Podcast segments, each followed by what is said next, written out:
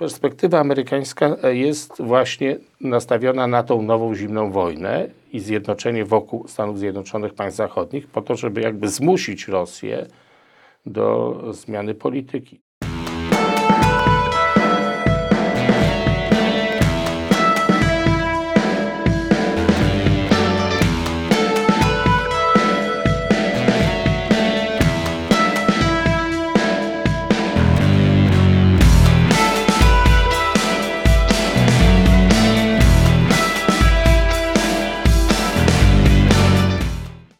Dzień dobry Państwu, zapraszam do rozmów najważniejsze. Zmienia się porządek w Europie, zmieniają się paradygmaty i zasady dotyczące bezpieczeństwa europejskiego, które znaliśmy, które poznawaliśmy od, od lat w podręcznikach, w, o stosunkach międzynarodowych, podręcznikach historii, e, o tych zagadnieniach związanych czy to z potencjalną akcesją Finlandii i Szwecji do NATO, czy z sytuacją wokół e, wojny w Ukrainie. Będę rozmawiać z panem profesorem Jackiem Czaputowiczem, pracownikiem Uniwersytetu Warszawskiego i ministrem spraw zagranicznych w latach 2018-2020. Dzień dobry. Dzień dobry panu, dzień dobry państwu. E, panie profesorze, e, Finlandia i Szwecja w NATO wydawałoby się tak intuicyjnie, przypominając sobie podręczniki do stosunków międzynarodowych, że to zmiana tektoniczna porządku europejskiego w zakresie bezpieczeństwa. Czy to jest faktycznie zmiana, czy dopiero potencjalna jej zapowiedź? No jest to zmiana rzeczywiście, bo jednak sojusz się rozszerzy. Natomiast te zmiany nastąpiły, jeśli chodzi o relacje wschód-zachód, już wcześniej, przecież samo rozszerzenie NATO, przystąpienie Polski i państw regionu do NATO, to było tą ważną zmianą. Wówczas dwa państwa skandynawskie uznawały, że dla ich bezpieczeństwa lepiej będzie zachować e, neutralność. Przyzwyczaiły się do tego i to działało w okresie zimnej wojny, nawet gdy te napięcia między wschodem a zachodem były bardzo intensywne i silne. Nawet spotkałem taką opinię, będąc w Finlandii u polityków, że może to był błąd, że Finlandia nie przystąpiła wtedy, kiedy Estonia i inne państwa bałtyckie i dopiero teraz e, robi to, co oczywiście mm, powoduje pewną reakcję Rosji. No natomiast to pokazuje, że e, w ocenie tych dwóch państw e, bezpieczeństwo lepiej zostanie zapewnione, jeżeli one wstąpią do sojuszu. Czyli to działanie Rosji w ostatnim okresie, zwłaszcza tutaj przede wszystkim wojna na Ukrainie, powoduje, że w ich ocenie ona może się rozprzestrzenić, zagrozić im bezpośrednio. Nieco studzi nasze, nasz entuzjazm i emocje Turcja która dosyć sceptycznie podchodzi do członkostwa Finlandii i Szwecji. Czy jest faktycznie czego się obawiać, czy jednak to, ta decyzja Finlandii i Szwecji jest, jest najważniejszym elementem tej układanki, jeśli chodzi o przyszłe bezpieczeństwo Europy? To pokazuje też tym państwom dwóm, że to nie jest takie proste, że ich polityka będzie oceniana przez członków sojuszu. Oczywiście oba państwa, przede wszystkim Szwecja, prowadzi taką politykę nastawioną na prawa człowieka, także obrona mniejszości, w tym mniejszości e, kurdys kurdyjskiej, to Turcja postrzega jako zagrożenie, bo to jest opozycja e, wewnętrzna dla Turcji, czy też w ogóle powstanie państwa kurdy, kurdyjskiego. To pokazuje, jak ten problem jest skomplikowany. Uważam, że głos Turcji jest bardzo ważny, należy go wziąć pod uwagę. Trudno tutaj spekulować, jak zostanie ta kwestia rozwiązana. Myślę, że przy silnym zaangażowaniu Amerykanów, były też takie wypowiedzi sekretarza Blinkena, że ten opór czy sprzeciw Turcji można będzie tutaj przełamać. No, jest pytanie, czy tu chodzi rzeczywiście o tą e, partię pracujący Kurdystanu, bo liderzy e, tej partii e, mają azyl czy mieszkają w Szwecji i Turcja formalnie to stawia, czy też być może Turcji chodzi o pewne negocjacje ze Stanami Zjednoczonymi dotyczące pewnych elementów uzbrojenia. Bo przecież napięcia między Stanami Zjednoczonymi a Turcją, one nie są nowe, dotyczą faktu zakupu przez Turcję uzbrojenia od Rosji, czemu się przeciwstawiała administracja jeszcze Donalda Trumpa. No, jest to problem, nie należy go lekceważyć, ale też myślę, że będzie presja na Turcję i jest oczekiwanie, że ta sytuacja w jakiś sposób zostanie rozwiązana.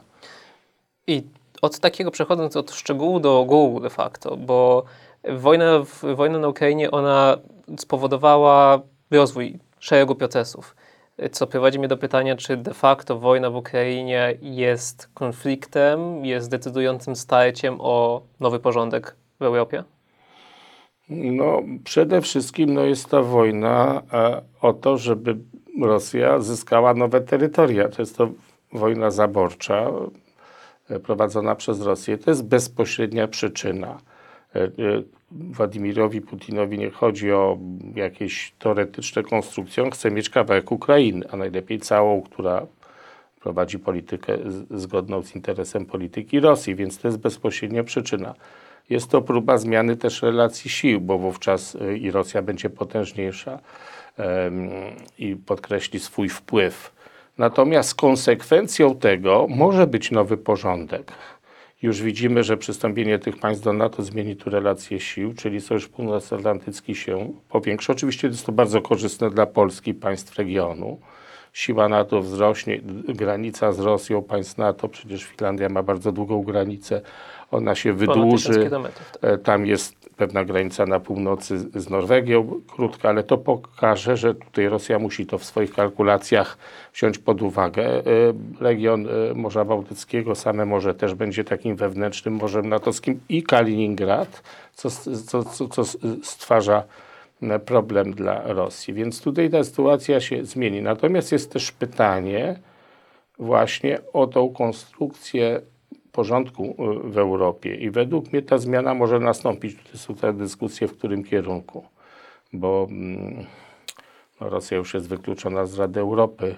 Y, mm, Tutaj jest pytanie o rolę OBWE, w ogóle o izolację Rosji, w ogóle o podmiotowość Rosji w tych relacjach międzynarodowych. I tu są pewne dyskusje, są różne stanowiska.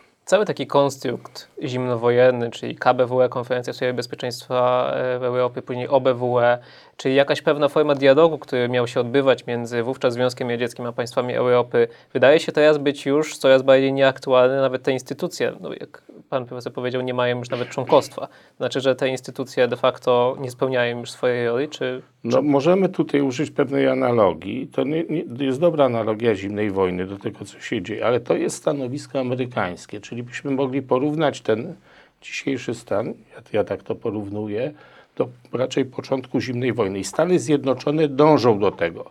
Czyli jesteśmy daleko jeszcze przed latami 70., gdzie powstało KBWE, które służyło dialogowi. Najpierw trzeba zintegrować Zachód i izolować Rosję, wprowadzić sankcje po to, żeby osłabić jej potęgę, jej siłę gospodarczą, a co za tym idzie militarną. I to zrobiły Stany Zjednoczone i Zachód w czasie zimnej wojny.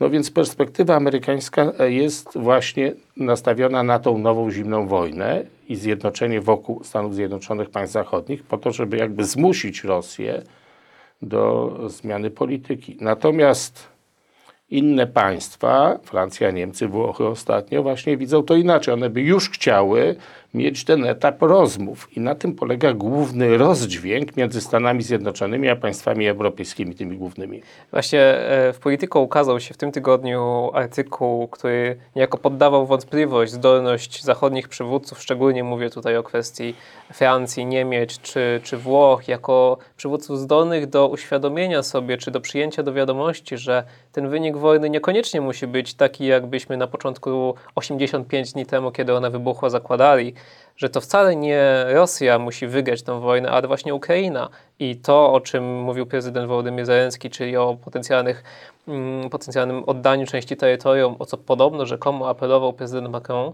nie musi się spełnić. Czy zachodni przywódcy uświadamiają sobie, zdają sobie sprawę, czy potencjalne te kolejne, kolejna pomoc militarna Francji w stronę Ukrainy świadczy o tym, że następuje jakaś zmiana w myśleniu zachodnich przywódców, czy raczej mamy to, tą drogę ku, w stronę pokoju? Wydaje mi się, że przywódcy Zachodu sobie świetnie uzmysławiają, jaka jest sytuacja. Problem polega na tym nie to, że oni dopuszczają czy nie, że zwycięży Ukraina. Problem polega na tym, że oni postrzegają, że to nie leży w interesie tych państw. To na tym i to jest dość taka daleko idąca konstatacja. Te państwa widzą w swojej myśli politycznej i w swojej takiej kulturze strategicznej rolę Rosji jako niezbędnego partnera w kształtowaniu europejskiej mm, architektury bezpieczeństwa. I one po prostu e, nie chcą przyjąć tego do wiadomości. Nie dlatego, że nie wyobrażają sobie tego, tylko dlatego, że to bardzo im nie odpowiada w ich koncepcjach. To jest zakorzenione bardzo silnie w kulturze politycznej tych państw. Sięga XIX wieku postrzeganie Rosji jako ważnego państwa, odnoszenie się do Rosji. Wojny napoleońskie, tu rozbiory, jeśli chodzi o Niemcy, też chodzi tutaj o okres międzywojenny. E, I dzisiaj y, i konsekwencją tego jest jakby uznanie specjalnej roli, specjalnego miejsca Rosji, a co za tym idzie, pewnych sfer wpływów. W związku z tym Ukraina jest zaliczona do sfery wpływów Rosji i państwa zachodnie, te o których mówimy, tutaj nie, nie mają intencji ingerowania w tą sferę wpływów. To jest to rozumienie. Oczywiście używany jest inny język. Na przykład prezydent Niemiec Steinmeier mówi o nowej architekturze bezpieczeństwa i miejscu Rosji w tej architekturze bezpieczeństwa. A ci prezydenci, y, prezydent Macron właśnie też mówi o nowej równowadze europejskiej. Ale to de facto oznacza to samo. To oznacza, że Rosja ma być kluczowym elementem bezpieczeństwa europejskiego i ma mieć swoje sfery wpływu, czyli ich interesy muszą być uwzględnione. I teraz nacisk na Ukrainę, jeżeli idzie, myślę, że taki nacisk rzeczywiście ma miejsce, skoro prezydent Załęski o tym publicznie mówi, prezydent Macron e, też się do tego odnosi, wynika właśnie z tego, że oni by chcieli ciągle, e, żeby Rosja tutaj była tym elementem kluczowym architektury y, bezpieczeństwa europejskiego. I tu jest ten rozdźwięk bardzo wyraźny między polityką amerykańską, która jest inna, o czym mówiłem, i polityką tych państw europejskich. Jest pytanie, na ile Stany Zjednoczone będą w stanie przy pomocy Ukrainy i państw takich jak Polska utrzymać jedność Zachodu w polityce wobec Rosji. Właśnie, bo y, ten koncept równowagi europejskiej to jest de facto coś y, stworzone przez Brytyjczyków. Tak, oni dołączali do tego sojuszu, do który miał mniejsze szanse, aby trzymać równowagę w Europie e, i angażowali się po różnych stronach konfliktu, ale właśnie Brytyjczycy, zdaje się, i Amerykanie, również państwa Europy Środkowej, zdają się, kiedy pytałem o ten konflikt w Europie, wydaje się, że mamy nową linię podziałów tak, między anglosasami a Europą Środkową i państwami zachodniej Europy. Pytanie, czy te podziały się nie zaostrzą i pytanie, jaką, jaką rolę w tym, tym układance będzie mieć Europa Środkowa. E, Premier Estonii powiedziała, że to teraz peryferia Europy e, będą decydować, będą wysuwać się na, na porządek, e, że tam, stamtąd przychodzą nowi przywódcy Europy. Jest na to szansa? No, generalnie trzeba powiedzieć, że rzeczywiście państwa Europy Środkowej, w tym Polska, tutaj są po tej właściwej stronie, czyli razem ze Stanami Zjednoczonymi, z Wielką Brytanią, z Kanadą. Ona jest właściwa ze względów geopolitycznych tych interesów, ale ona też jest właściwa ze względów ideowych, pewnych wartości europejskich świata zachodniego. I to jesteśmy w tej dobrej sytuacji, bowiem są też dwie wizje. Albo my uznajemy prawa państw do własnych stref wpływu, tak jak te państwa, o których mówiliśmy, Rosja, albo my jednak uznajemy tą zasadniczą kwestię dotyczącą wartości świata zachodniego, że państwa, w tym Ukraina, mają prawo do wyboru własnej drogi rozwoju. I to one decydują, w jakim być sojuszu, jak się rozwijać. One pro, prowadzą wybory, wybierają własne rządy i prowadzą politykę. I o to idzie walka. I tutaj problem etyczny polega na tym, że te państwa, które zarazem się portretują jako takie pod względem wartości przywódcy Unii Europejskiej, w sposób taki bezpośredni, jawny łamią te podstawowe wartości. Trzeba by powiedzieć tym przywódcom, no zaraz, e, tutaj musimy być wierni właśnie tym zasadom Karty Narodów Zjednoczonych, a wy wprowadzacie zasady XIX-wieczne. Oczywiście, my, ja mówię to tak w sposób taki wyraźny, trzeba też dodać i zauważyć, że te państwa to rozumieją. Są pod wpływem opinii publicznej, nacisków samych Ukraińców, państw Europy Środkowej, opinii publicznej, dlatego, mimo że to jest w ich interesie, żeby Rosja tutaj utrzymała te wpływy, to jednak liczą się z prawami człowieka, dostarczają broń, wprowadzają sankcje i o to idzie walka. Czy my będziemy w stanie, tu myślę też o społeczeństwie obywatelskim w tych państwach, e, utrzymać tą presję na polityków, żeby te geopolityczne myślenie, głęboko zakorzenione w historii, powoli zmieniać. To jest właśnie y, też zagadnienie powiedział profesor o wartościach, o pewnych, o karcie praw podstawowych, o karcie Narodów Zjednoczonych, o rzeczach i z, z, wartościach etycznych, które mamy niejako wpisane do naszego prawa, e, ponieważ no, to są wartości, które wspólnie wyznajemy. Zakończyła się właśnie konferencja w sprawie przyszłości Europy, cykl debat, spotkań, które miały wyznaczać nam przyszły kierunek e, rozwoju Unii Europejskiej. Natomiast właśnie teraz rysuje się poważny podział właśnie w kategorii tych wartości. To pytanie, gdzie są właściwie teraz wartości europejskie? E, jako takie i czy właściwie możemy mówić o jakimś katalogu wartości europejskich, które e, będą nas raczej łączyć niż dzielić w kategorii e, po jednej stronie Europa Zachodnia, po drugiej stronie Polska i Ukraina. No tutaj jest też jakby narracja jest inna i ona trochę przykrywa czy też ukrywa te właściwe cele, bo podczas tej konferencji dyskusja dotyczyła, została sprowadzona do systemu podejmowania decyzji. Czy to ma być prawo weta i tak dalej. Argumenty były wysuwa- wysuwane, że niektóre państwa tutaj łamią tą jedność unijną.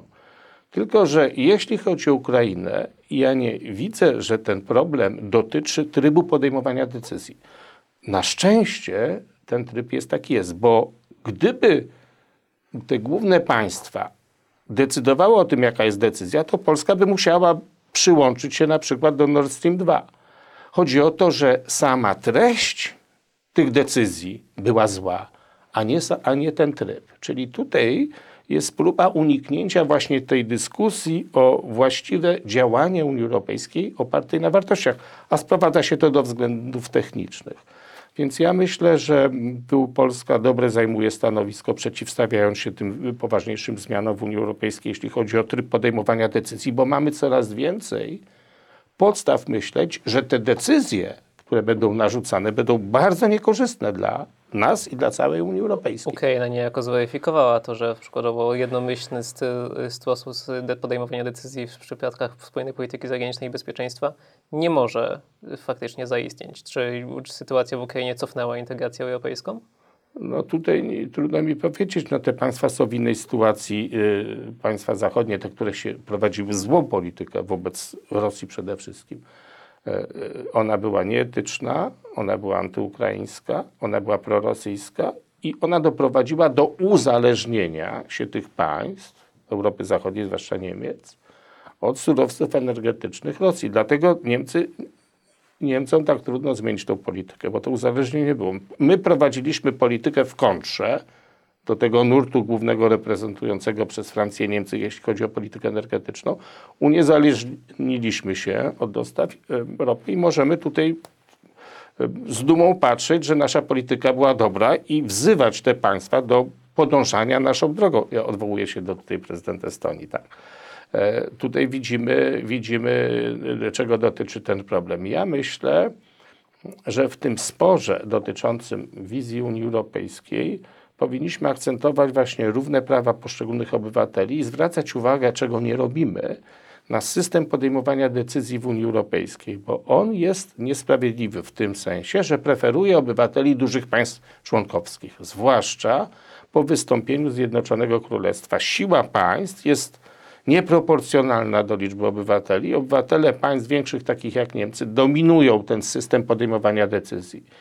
I wydaje mi się, że należy te kwestie wyraźnie stawiać. Zanim będziemy dyskutować o tym, w jaki sposób podejmować decyzje za pomocą większości kwalifikowanej, powinniśmy się zastanowić nad samym tym systemem, czy on jest sprawiedliwy. Moim zdaniem on jest niesprawiedliwy. Jak byłem jeszcze ministrem spraw zagranicznych, podnosiłem wielokrotnie te kwestie, żeby przywrócić, na przykład wprowadzić system, który Polska kiedyś proponowała, pie- pierwiastkowy tak zwany, równego głosu, który przywróci proporcje, że obywatele państw Unii Europejskiej, ich siła wypowiedzi głosu będzie taka sama. Ja mówię o sprawach technicznych, ale mówię o tym też także dlatego, że no, tu w Polsce jakby klasa polityczna tego nie podnosi, a to jest bardzo na rękę państwom, tym, które mają przewagę dotychczas. Bo, ale ta nierównowaga tutaj występuje. Ukraina rzeczywiście jest teraz na pierwszych stron światowych gazet, podobnie przez to Polska.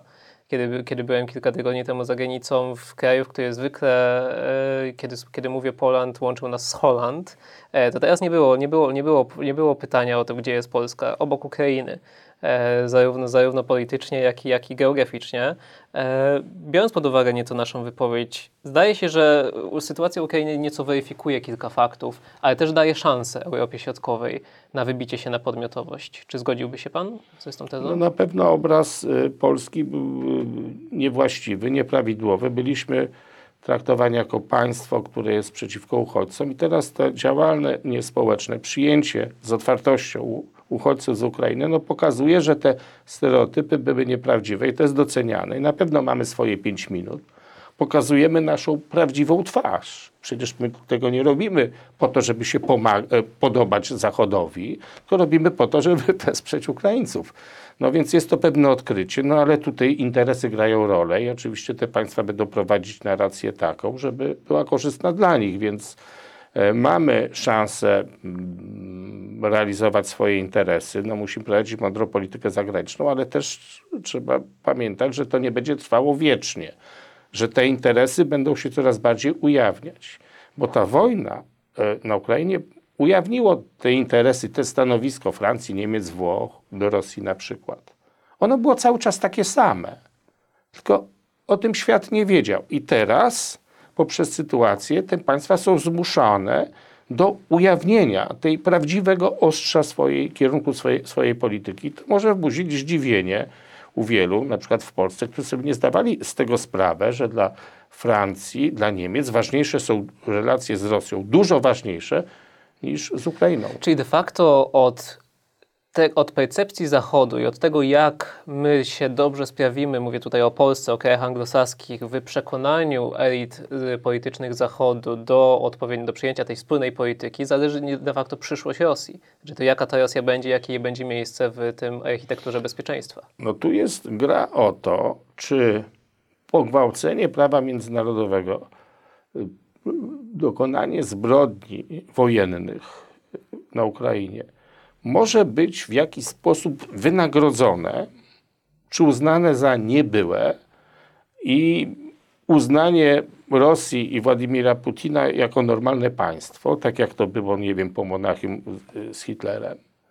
Czy też jednak świat dzisiaj, uznanie, że świat fu- funkcjonuje na innych zasadach i to jest niedopuszczalne. I Zachód tego nie jest w stanie zaakceptować. Wówczas Rosja, dopóki się nie wycofa, dopóki nie dostosuje się do prawa międzynarodowego, no nie osiągnie żadnych korzyści. I teraz Stany Zjednoczone, Polska i sama Ukraina jest tego zdania, natomiast inne państwa proponują właśnie jakieś zachowanie twarzy i tak dalej, czyli de facto wynagrodzenie tej polityki agresywnej, łamiącej suwerenność innych państw. Dla nas to jest duże zagrożenie, bo jeżeli, no przecież do tego do, doszło, do tej wojny, według mnie, bo Putin, prezydent Rosji, cały czas był wynagradzany albo cały czas kalkulował, że ta polityka jest dla niego korzystna. Przede wszystkim Gruzja, później pierwsza Ukraina, zajęcie Krymu, y, Donbas, wtedy Ługańsk, Donieck, ale też polityka w Syrii. Okazało się, że ona jest dla niego bardzo tutaj opłacalna, skuteczna. Polityka w Afryce, w Środkowej Afryce, w Libii, w Wenezueli, wszędzie Rosja interweniowała i nauczyła się, że to jest właściwy instrument prowadzenia polityki. Kiedyś Robert Kagan napisał takie zdanie, jak masz młotek, wydaje ci się, że wszystkie problemy wyglądają jak gwoździe. I Putin to zrozumiał. I teraz chodzi o to, żeby nie wynagradzać takiej polityki. O to idzie gra. I Stany Zjednoczone to rozumieją i myślę, że wtedy tylko Rosja będzie tutaj normalnym członkiem społeczności międzynarodowej, no jeżeli uzna y, niewłaściwość tej swojej polityki. Jest na to szansa, żeby Rosja o tyle się zmieniła, żeby zrozumiała, że zbrodnia jest zbrodnią? No czy tutaj, no to, to będą konsekwencje. No przede wszystkim trzeba zobaczyć, jak się ten konflikt zakończy. I czy Rosja będzie w stanie mówić, że osiągnęła coś przy, y, na przykład przy, w rozmowach pokojowych przy zielonym stole, coś tam uzyskała, to wówczas ona to zaprezentuje no, jako zysk, jako korzyść, jako właściwą politykę. Więc o to idzie gra. A, a jeżeli tego nie e, osiągnie, no to będzie ten konflikt trwał i ten koszt społeczny razem z tym sankcje, oddziaływanie sankcji coraz silniejsze. Izolacja na forum międzynarodowym spowoduje refleksję. O tych sprawach fundamentalnych, e, czyli o to, czy zbrodnia może ujść nawet mocarstwu płazem. Będziemy dalej rozmawiać i dalej, dalej, e, dalej informować na łamach wszystko, co najważniejsze. Moim gościem był pan profesor Jacek Czaputowicz, minister spraw zagranicznych w latach 2018-2020. Dziękuję serdecznie za rozmowę. Dziękuję, dziękuję Państwu. Dziękujemy Państwu za wysłuchanie.